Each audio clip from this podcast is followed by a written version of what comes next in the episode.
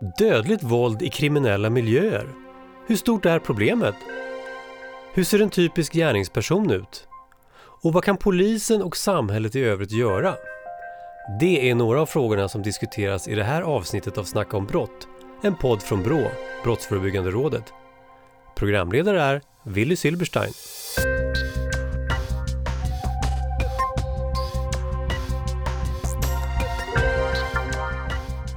Varmt välkomna till eh, Brottsförebyggande rådet och podden Snacka om brott. Idag ska vi prata om väldigt allvarliga brott, nämligen dödligt våld. Jag heter Willy Silberstein och vänder mig först till Jonas Öberg som är utredare på Brottsförebyggande rådet. Eh, Jonas, dödligt våld i kriminella miljöer var högt under 90-talet, minskade sen men ökade återigen för några år sedan. Vad var det som hände? Ja, det minskade inte riktigt under, under den här mellanperioden, men under 90-talet så ökade det från omkring fem fall per år till, till det dubbla. Och det hade i stor utsträckning att göra med, med etableringen av, av de här kriminella mc-gängen i Sverige och sådana saker, att de höll på att bekriga varandra. Sen låg det hyfsat stabilt på den nivån under 00-talet fram till 2013 där det då ökar ganska drastiskt. Och vad, vad, var det som hände 2013 som fick det att öka drastiskt? Ja, alltså man kan säga att det, det är tydligt, det är en annan typ av, av nätverk som är inblandade i, i det dödliga våldet idag jämfört med, med tidigare. Då. Och hur ser de nätverken ut som vi nu pratar om då? Det är vad vi kallar för, för stadsdels och, och förortsbaserade nätverk och det är generellt det är yngre personer. De är, vad ska jag säga, ägnar sig ofta åt narkotikaförsäljning, även andra typer av brott. Och de, de, de är genomgående yngre än, än tidigare och de är inte, deras organisationsstruktur ser också annorlunda ut. Så att de är liksom, vad ska vi säga, det, det är mer situationellt styrt våld. Det, det, är mer spontant i den meningen att, att det ligger på enskilda individer att, att agera. Och hur ser det här eh, dödliga våldet ut? Vad, vad gör de? Alltså vid den här typen av dödligt våld så har alltid skjutvapen vanligt varit den vanligaste våldsmetoden. Vad som händer efter 2013 när, när, när antalet ökar, då är det att, att det i stort sett uteslutande rör sig om skjutvapen. Och, och varför, alltså det, det, är ju en risk för de här som begår våld med skjutvapen. Varför gör de det? Det, det är väldigt svårt att svara på, det har vi inte sett. Vi har inte kunnat titta på det inom ramen för den, den studie som jag har gjort. Men, men det finns ju andra studier från Brå som, som visar på, på att det, det, är en, det är en del av den här miljön så att säga. Man, man ska ha ett skjutvapen och när man väl har beväpnat sig så är, det lätt hänt att man, att man använder dem. Och, och, intrycket i media är ju att det här är otroligt omfattande. Men sätt in det i ett sammanhang idag. Hur, hur stort problem är detta? Ja, alltså det, det är klart att det är ett stort problem och i synnerhet som den här typen av dödligt våld är också väldigt synligt och det sker utomhus, ofta i miljöer där folk vistas och så. Tittar man på dödligt våld, allt dödligt våld, så har det tydligt minskat från 90-talet fram till eh, 2012-2013 när, när trend, den nedåtgående trenden bryts och det ökar, börjar öka igen. Och det är ju den här typen av dödligt våld som får genomslag på totalen så att säga. Så att visst är det, det är ett ganska dåligt ett ganska dåligt mått på, på, på, den, på någon form av allmän våldsamhet i samhället i den meningen att det är ett ganska begränsat antal individer som ägnar sig åt det här våldet. Samtidigt är det, är det ju allvarligt i den meningen att det ofta sker utomhus. Eh, automatvapen har blivit betydligt vanligare. Än, det, det förekom i stort sett inte tidigare, men under de sista fyra åren så är det nästan en fjärdedel av, av alla fall där, där man använder automatvapen.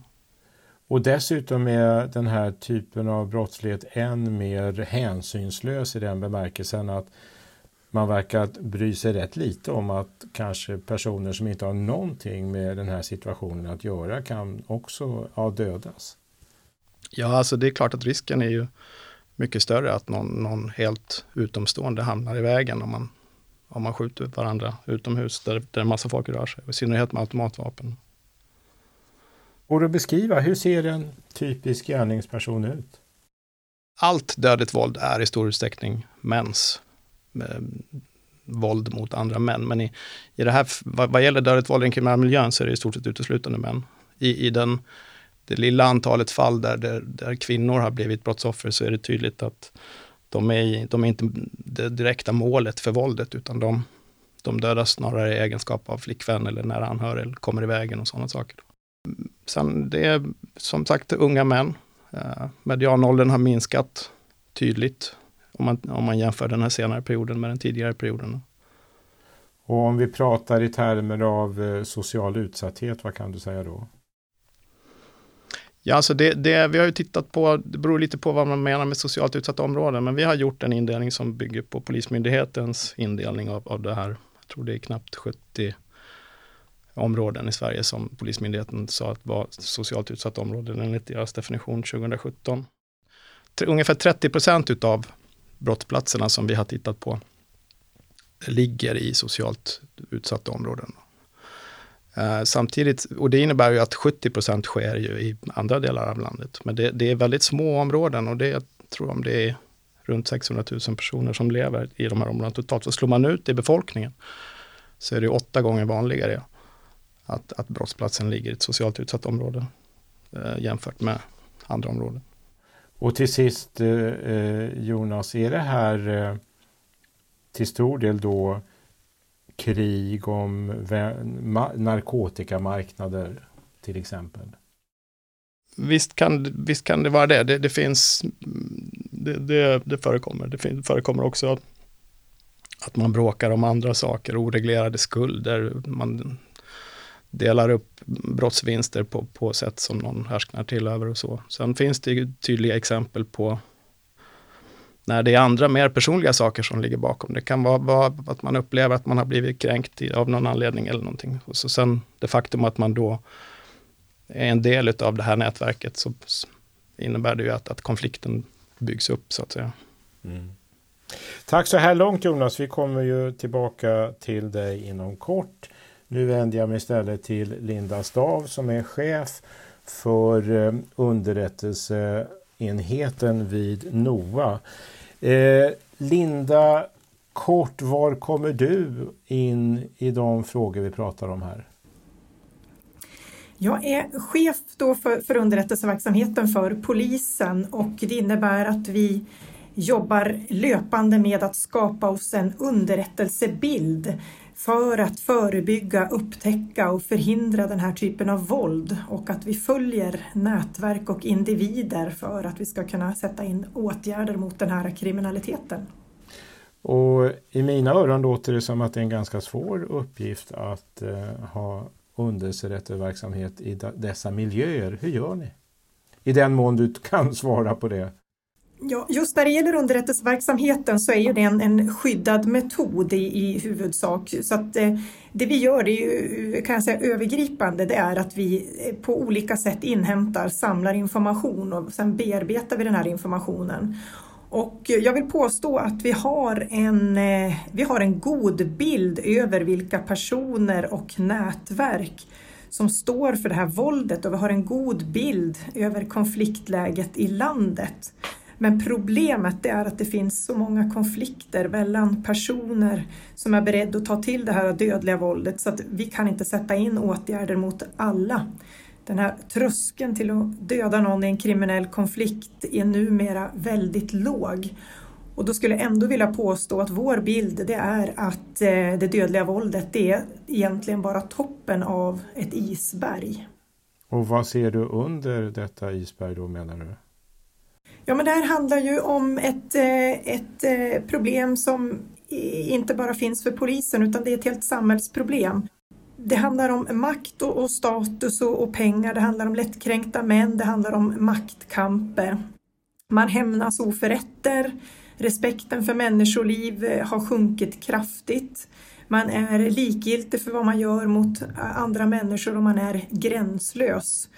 Eh, och framför allt den här gränslösheten, det börjar ju redan eh, med barn, barnuppfostran, där, man, där vi i vårt samhälle tidigare behöver sätta gränser mot barn som visar normbrytande beteenden. Det måste komma konsekvenser när man gör eh, ett felaktigt handlande och kommer inte de här konsekvenserna, och då fortsätter den här utvecklingen till det vi till slut då ser ett antal individer som har väldigt låg tröskel för att eh, ta till dödligt våld.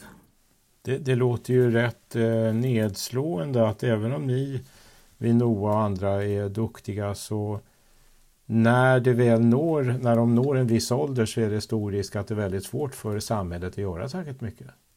Ja, för det handlar alltså när, när vi pratar i vissa områden, det vi från polisens håll kallar för, för utsatta områden, särskilt utsatta områden, så handlar det ju om att man eh, präglas, att man växer in i en kriminalitet. Det handlar inte om en rekrytering utan eh, att man växer upp i, i en eh, kriminalitet många gånger. Absolut inte alltid behöver det vara så, men vi ser det väldigt tydligt. Och det här är ju en hel samhällsutveckling som vi behöver vända och där inte då enbart polisens åtgärder räcker utan det måste börja sitt långt tidigare skede. Och om man skulle börja långt tidigare som du säger, konkret, vad menar du att samhället borde göra som inte görs idag? Jag tänker så här att eh, dels eh, är det just den här barnuppfostrans eh, Eh, rollen. Vi måste hjälpas åt att stärka varandra, andra vuxna, så att man har eh, kraft och, och eh, mod att säga till dels sina egna barn men även som granne säga till andras barn och tala om vad som är rätt och fel. Och sen när vi pratar utsatta områden så är det ju också mycket om att det här handlar ju om en ja, kan man säga en fattigdomsfråga egentligen. Det är en ekonomisk utveckling som eh, man dras in i. Vi behöver liksom jobba med att, att eh, förbättra den ekonomiska statusen i, i de här områdena så att man inte ser en bättre möjlighet i att sälja eh, narkotika och tjäna pengar än att söka ett hedligt jobb.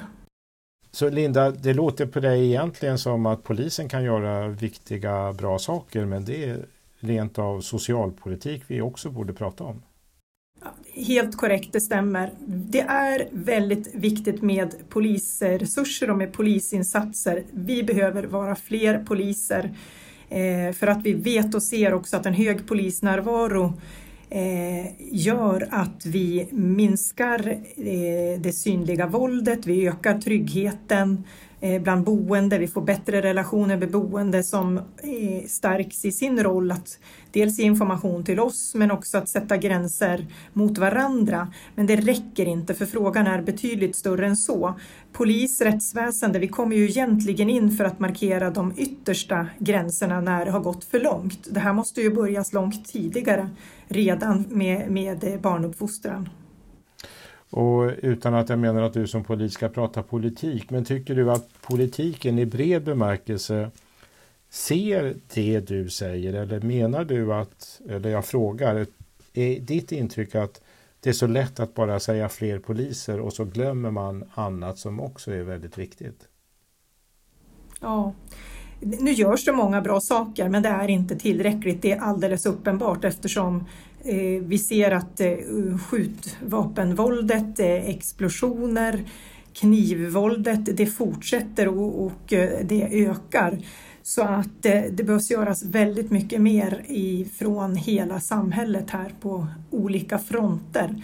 Där polisen har absolut en, en viktig del men återigen, vi kommer in i ett ganska sent skede vi måste göra mer i, i tidigare skeden och det här handlar ju också om eh, bostadsfrågor, att, att minska trångboddheten, att minska arbetslösheten, att öka studieresultaten för att ge bättre förutsättningar till, till barn och ungdomar som växer upp i Sverige. Det låter som att ditt jobb ibland skulle kunna upplevas som frustrerande, möjligen en ledande fråga, men känns det så Linda? Det eh, finns många goda exempel också där vi ser att kriminalitet inte lönar sig, där vi med gemensamma myndighetssamarbeten där polisen själva eller tillsammans också med boende i områdena vi griper och domstol, eh, vi utreder och domstol lagför ledande individer som tjänar mycket pengar på narkotika. Sådana tillfällen gör att jag eh, får väldigt mycket kraft och energi att fortsätta det här arbetet. Det är en eh, väldigt, väldigt viktig del för vårt uppdrag. Det låter betryggande. Tack Linda. Nu vänder jag mig till Torbjörn Folkby som är professor i socialt arbete vid Linnéuniversitetet. Eh, om vi börjar med våldet så verkar ju våld vara väldigt centralt i de här miljöerna. Vad ser du? Alltså, det finns olika förklaringar till det. Jag tänker som att det är viktigt att se de här äh, sammanlänkande delarna. Ja, för det första så handlar det om att lösa konflikter. Och det är viktigt att se att de här som miljöerna som gäng relaterar till är kontinuerligt spänningsfyllda. Det finns mängder med olika som konflikter, eh, möjlighet till konflikter att uppstå. Så att där har ju våldet en central ställning. Eh, vi kan gå vidare och fundera på det som de gängen i Sverige åtminstone består i huvudsak av män, ofta unga män som är i färd att bygga upp ett namn och bygga upp en identitet. Och det finns eh, vad vi kan se ofta en koppling till en viss typ av manlighet. En manlighet som eh, befrämjar styrka, inte backa, att vara tuff och så vidare. Och då har ju våldet eh, också en nära koppling till den typen av manlighetsideal. Så det du säger är att ju mer macho man ger intryck av desto mer status och makt får man i dessa miljöer. Ja, det finns en sån, man måste förstå den här kulturella sammanhanget. Vad är det för värden som, som, som hyllas? Och man måste också se till att våldet har ju inte bara en reaktiv funktion att lösa konflikter utan det handlar också om att förebygga, att bygga upp sina affärsmöjligheter. Alltså om du uppfattas som en person som har lett till våld som också har någon vapenarsenal eventuellt eh, att tillgå så är det klart att eh, du kan uppleva att du är mer säker i de här miljöerna.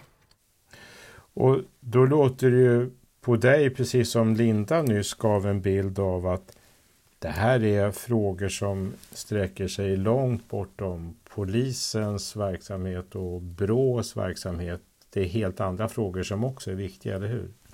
Ja, alltså gäng är ju inte bara en, en eh, fråga om brott utan det är ett sätt att leva, ett sätt att få en identitet, ett sätt att få en gruppsammanhållning. Alltså det kopplar an mot äh, världen och erbjuder svar på ett sätt att leva sitt liv. Och då måste vi också fundera på vad är det som man söker där. Och när man tittar på alternativ så handlar det naturligtvis att skapa andra livsmöjligheter som uppfattas mer attraktiva än gängen. Sen så gäller ju det här mindre grupp såklart men, men, men det är fortfarande en, en, en icke försumlig andel. För, för sen kan jag tänka det möjligen naiv utifrån eh, blick men alltså många i de här miljöerna borde ju vara rädda att själva bli skjutna och, dö och dödade. Många i de här miljöerna är oerhört rädda att bli skjutna och attackerade. Vi gör ju just nu en studie omkring personer som lämnar gäng vi ställer frågan omkring dem, hur har hänt med din stressnivå från det att du var med i gänget till dess att du nu har lämnat? De talar om en stressnivå som låg på 150-200 procent, om man nu kan ha det, eh, till att de har fått en mer normal eh, upplevelse att de inte, behöver inte ständigt vara rädda när de lämnar lägenheten. De behöver inte alltid se över axeln för att eh, upptäcka fienden och så vidare. Så att våldet är ju på ett sätt en integrerad del av gänget men också en väldigt problematisk del för de som är med i gäng. Och eftersom du har gjort intervjuer med människor som har lämnat, eh, förutom rädsla att råka ut för våld, finns det andra faktorer som får människor att lämna de här farliga, destruktiva miljöerna? Det finns en rad olika eh, motiv till att lämna gänget.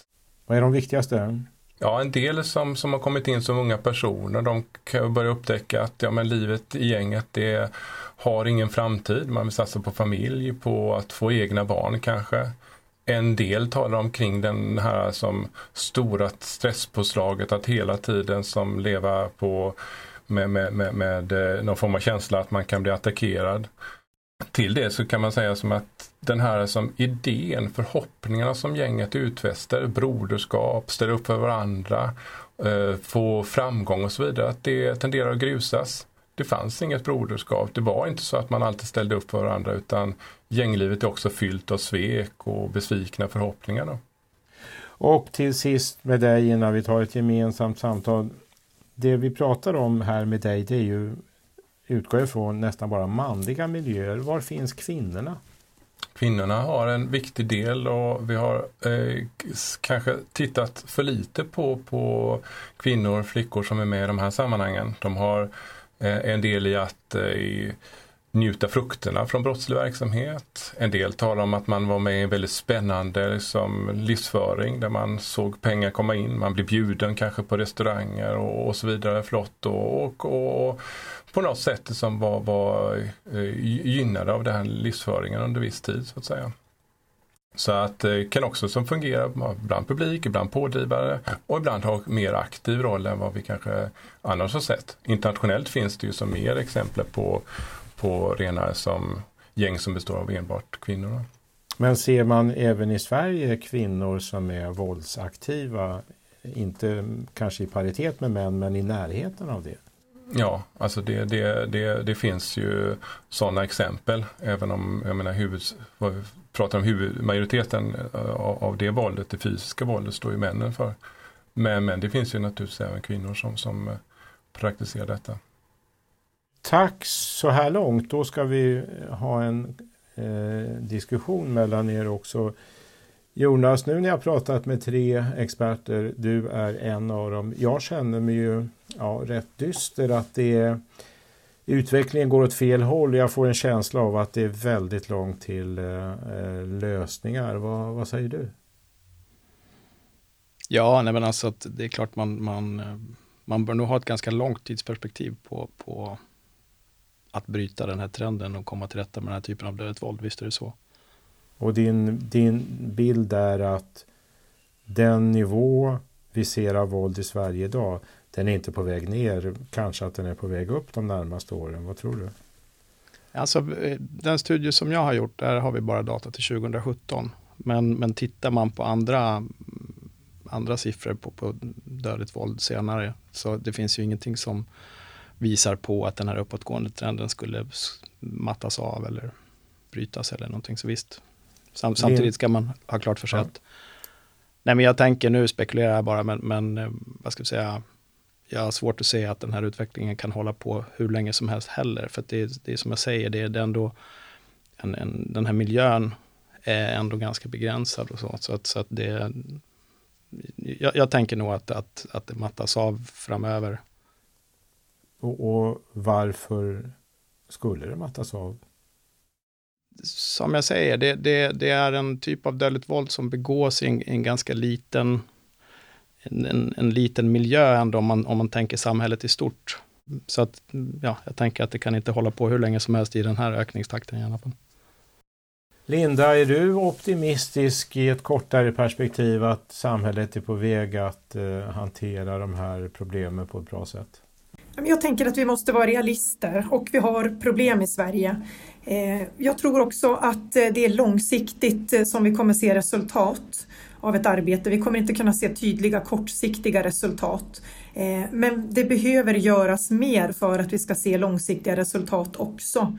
Det är min bild och fler, nu är inte jag ute efter i det här sammanhanget att äska fler polisresurser, men vi ser så tydligt att en högre polisnärvaro gör skillnad. Vi ser också att eh, när vi samverkar tillsammans mellan skola, mellan socialtjänst, eh, mellan andra myndigheter, eh, vi bygger förtroende, vi ger mod till föräldrar och andra att återigen sätta de här gränserna till, till barn och ungdomar som växer upp. Då vänder vi en utveckling i en positiv riktning. Och det där behöver vi hålla i, vi behöver fortsätta med det och vi behöver göra än mer på det området. Torbjörn, vad ser du eh, i termer av ökning, minskning de närmaste åren? Ja, alltså, det är väldigt svårt att säga. Jag tror att man kommer se fluktuationer. Eh, och eh, det handlar ju som sagt var om en liten grupp som står för det dödliga våldet. En liten grupp kan man också eh, inkapacitera på olika sätt. Och inkapacitera är att sätta dem i fängelse? Ja hamnar i fängelse eller, eller, eller så. Så, så att eh, det kommer ju som få en effekt. Men samtidigt så är det frågan om kring effekter vad gäller som att hyllande av våldskapital, den typen av manlighetsidéer som, som, som kan ligga bakom det. Det tar ju väldigt mycket längre tid att, att arbeta med. Det kräver ju också naturligtvis kombinerade insatser, tidiga insatser. Att förmå att se de barn och unga som riskerar att hamna i, i, i de här sammanhangen i så tidigt skede helst så man slipper slipper komma in med sådana insatser som riskerar att förvärra situationen. Och jag har ju hört, hört sägas att redan dagispersonal tror sig veta eh, hyggligt väl ändå vilka som riskerar att hamna i kriminalitet och ändå så händer inte så mycket utan hittills så verkar ju ändå få fortgå tills de här profetiorna tyvärr berätt, besannas och de börjar begå brott. Vad säger du om det Torbjörn?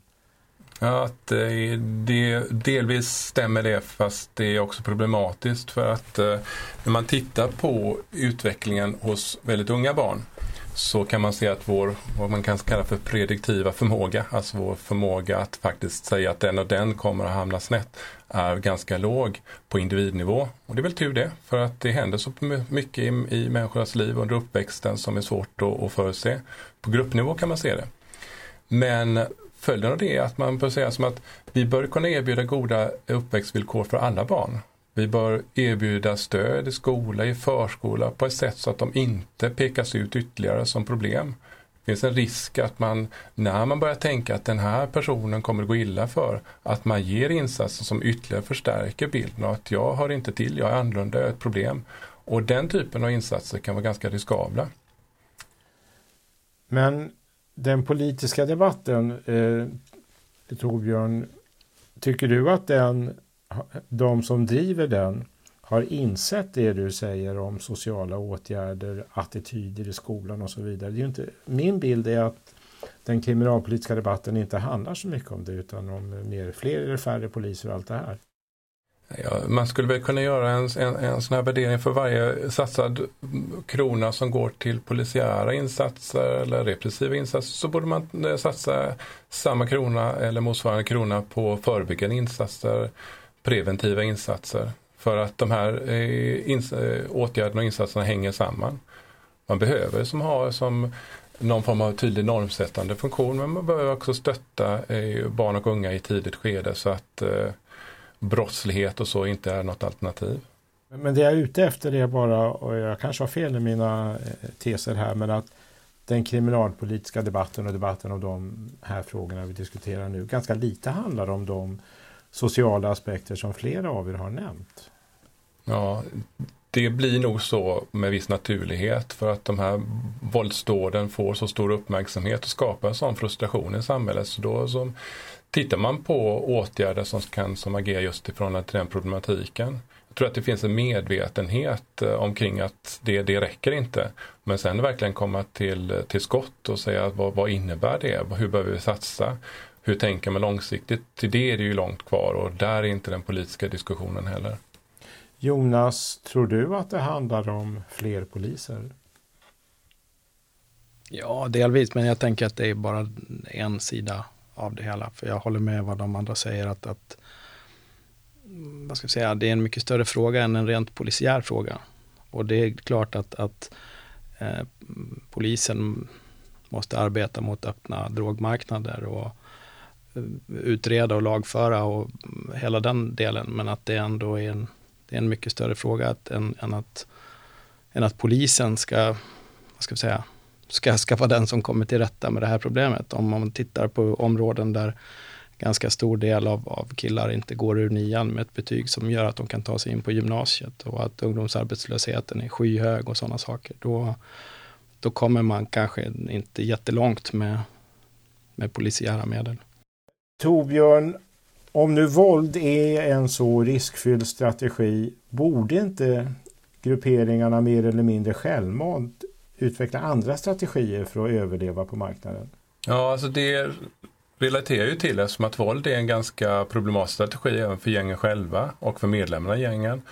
Eh, vi kan se också att det finns andra exempel på att lösa konflikter istället för att använda våld.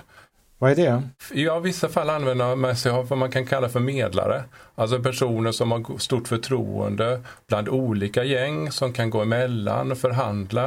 Eh, det kräver ju specifika förutsättningar. Det är inte så gott om de här personerna som har det här förtroendet.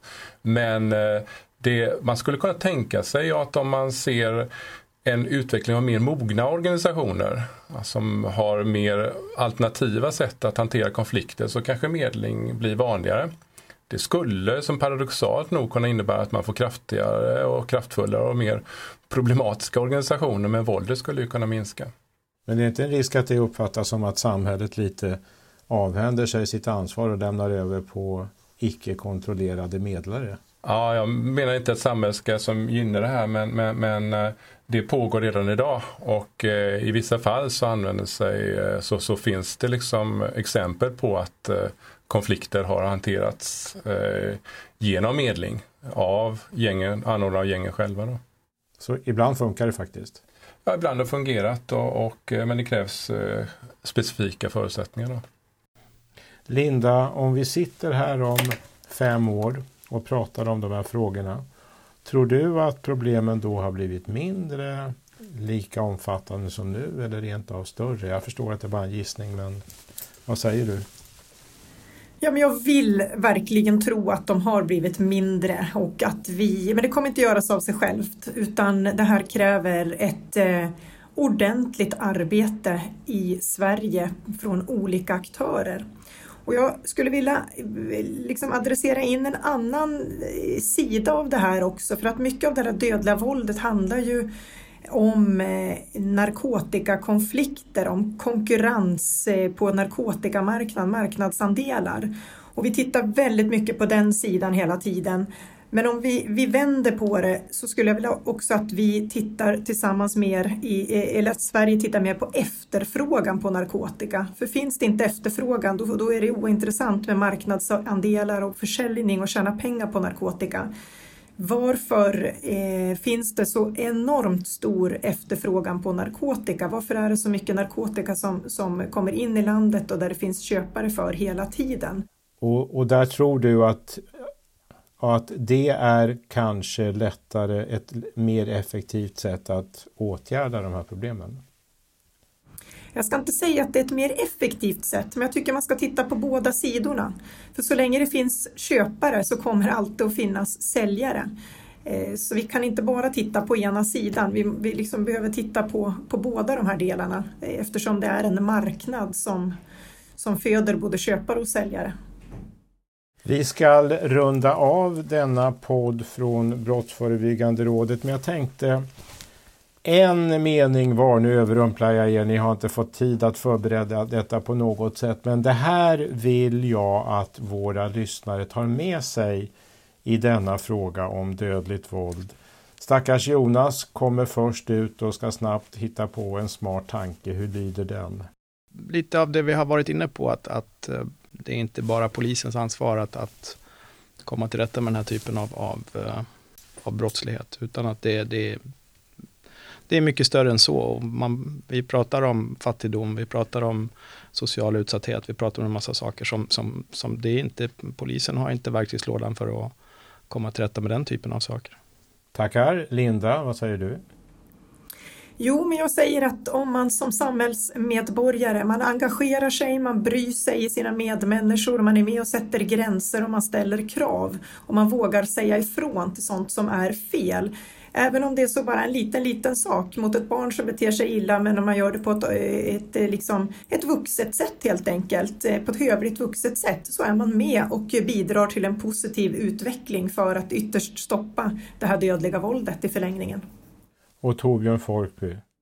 Ropen på de enkla lösningarna kanske är de farligaste strategierna. Jag tror att eh, de enkla lösningarna medför en enriktad och avgränsad syn. Det här är komplexa som eh, frågor som relaterar till ett samhälle som förändras i grunden. Eh, och då kommer det krävas komplexa genomtänkta lösningar för att komma till rätta med det. Kloka slutord. Därmed eh, så tackar jag Jonas Öberg från Brå, Linda Staff från NOA och Torbjörn Folkby, professor vid Linnéuniversitetet. Och tack för att ni har lyssnat på Brottsförebyggande rådets podd.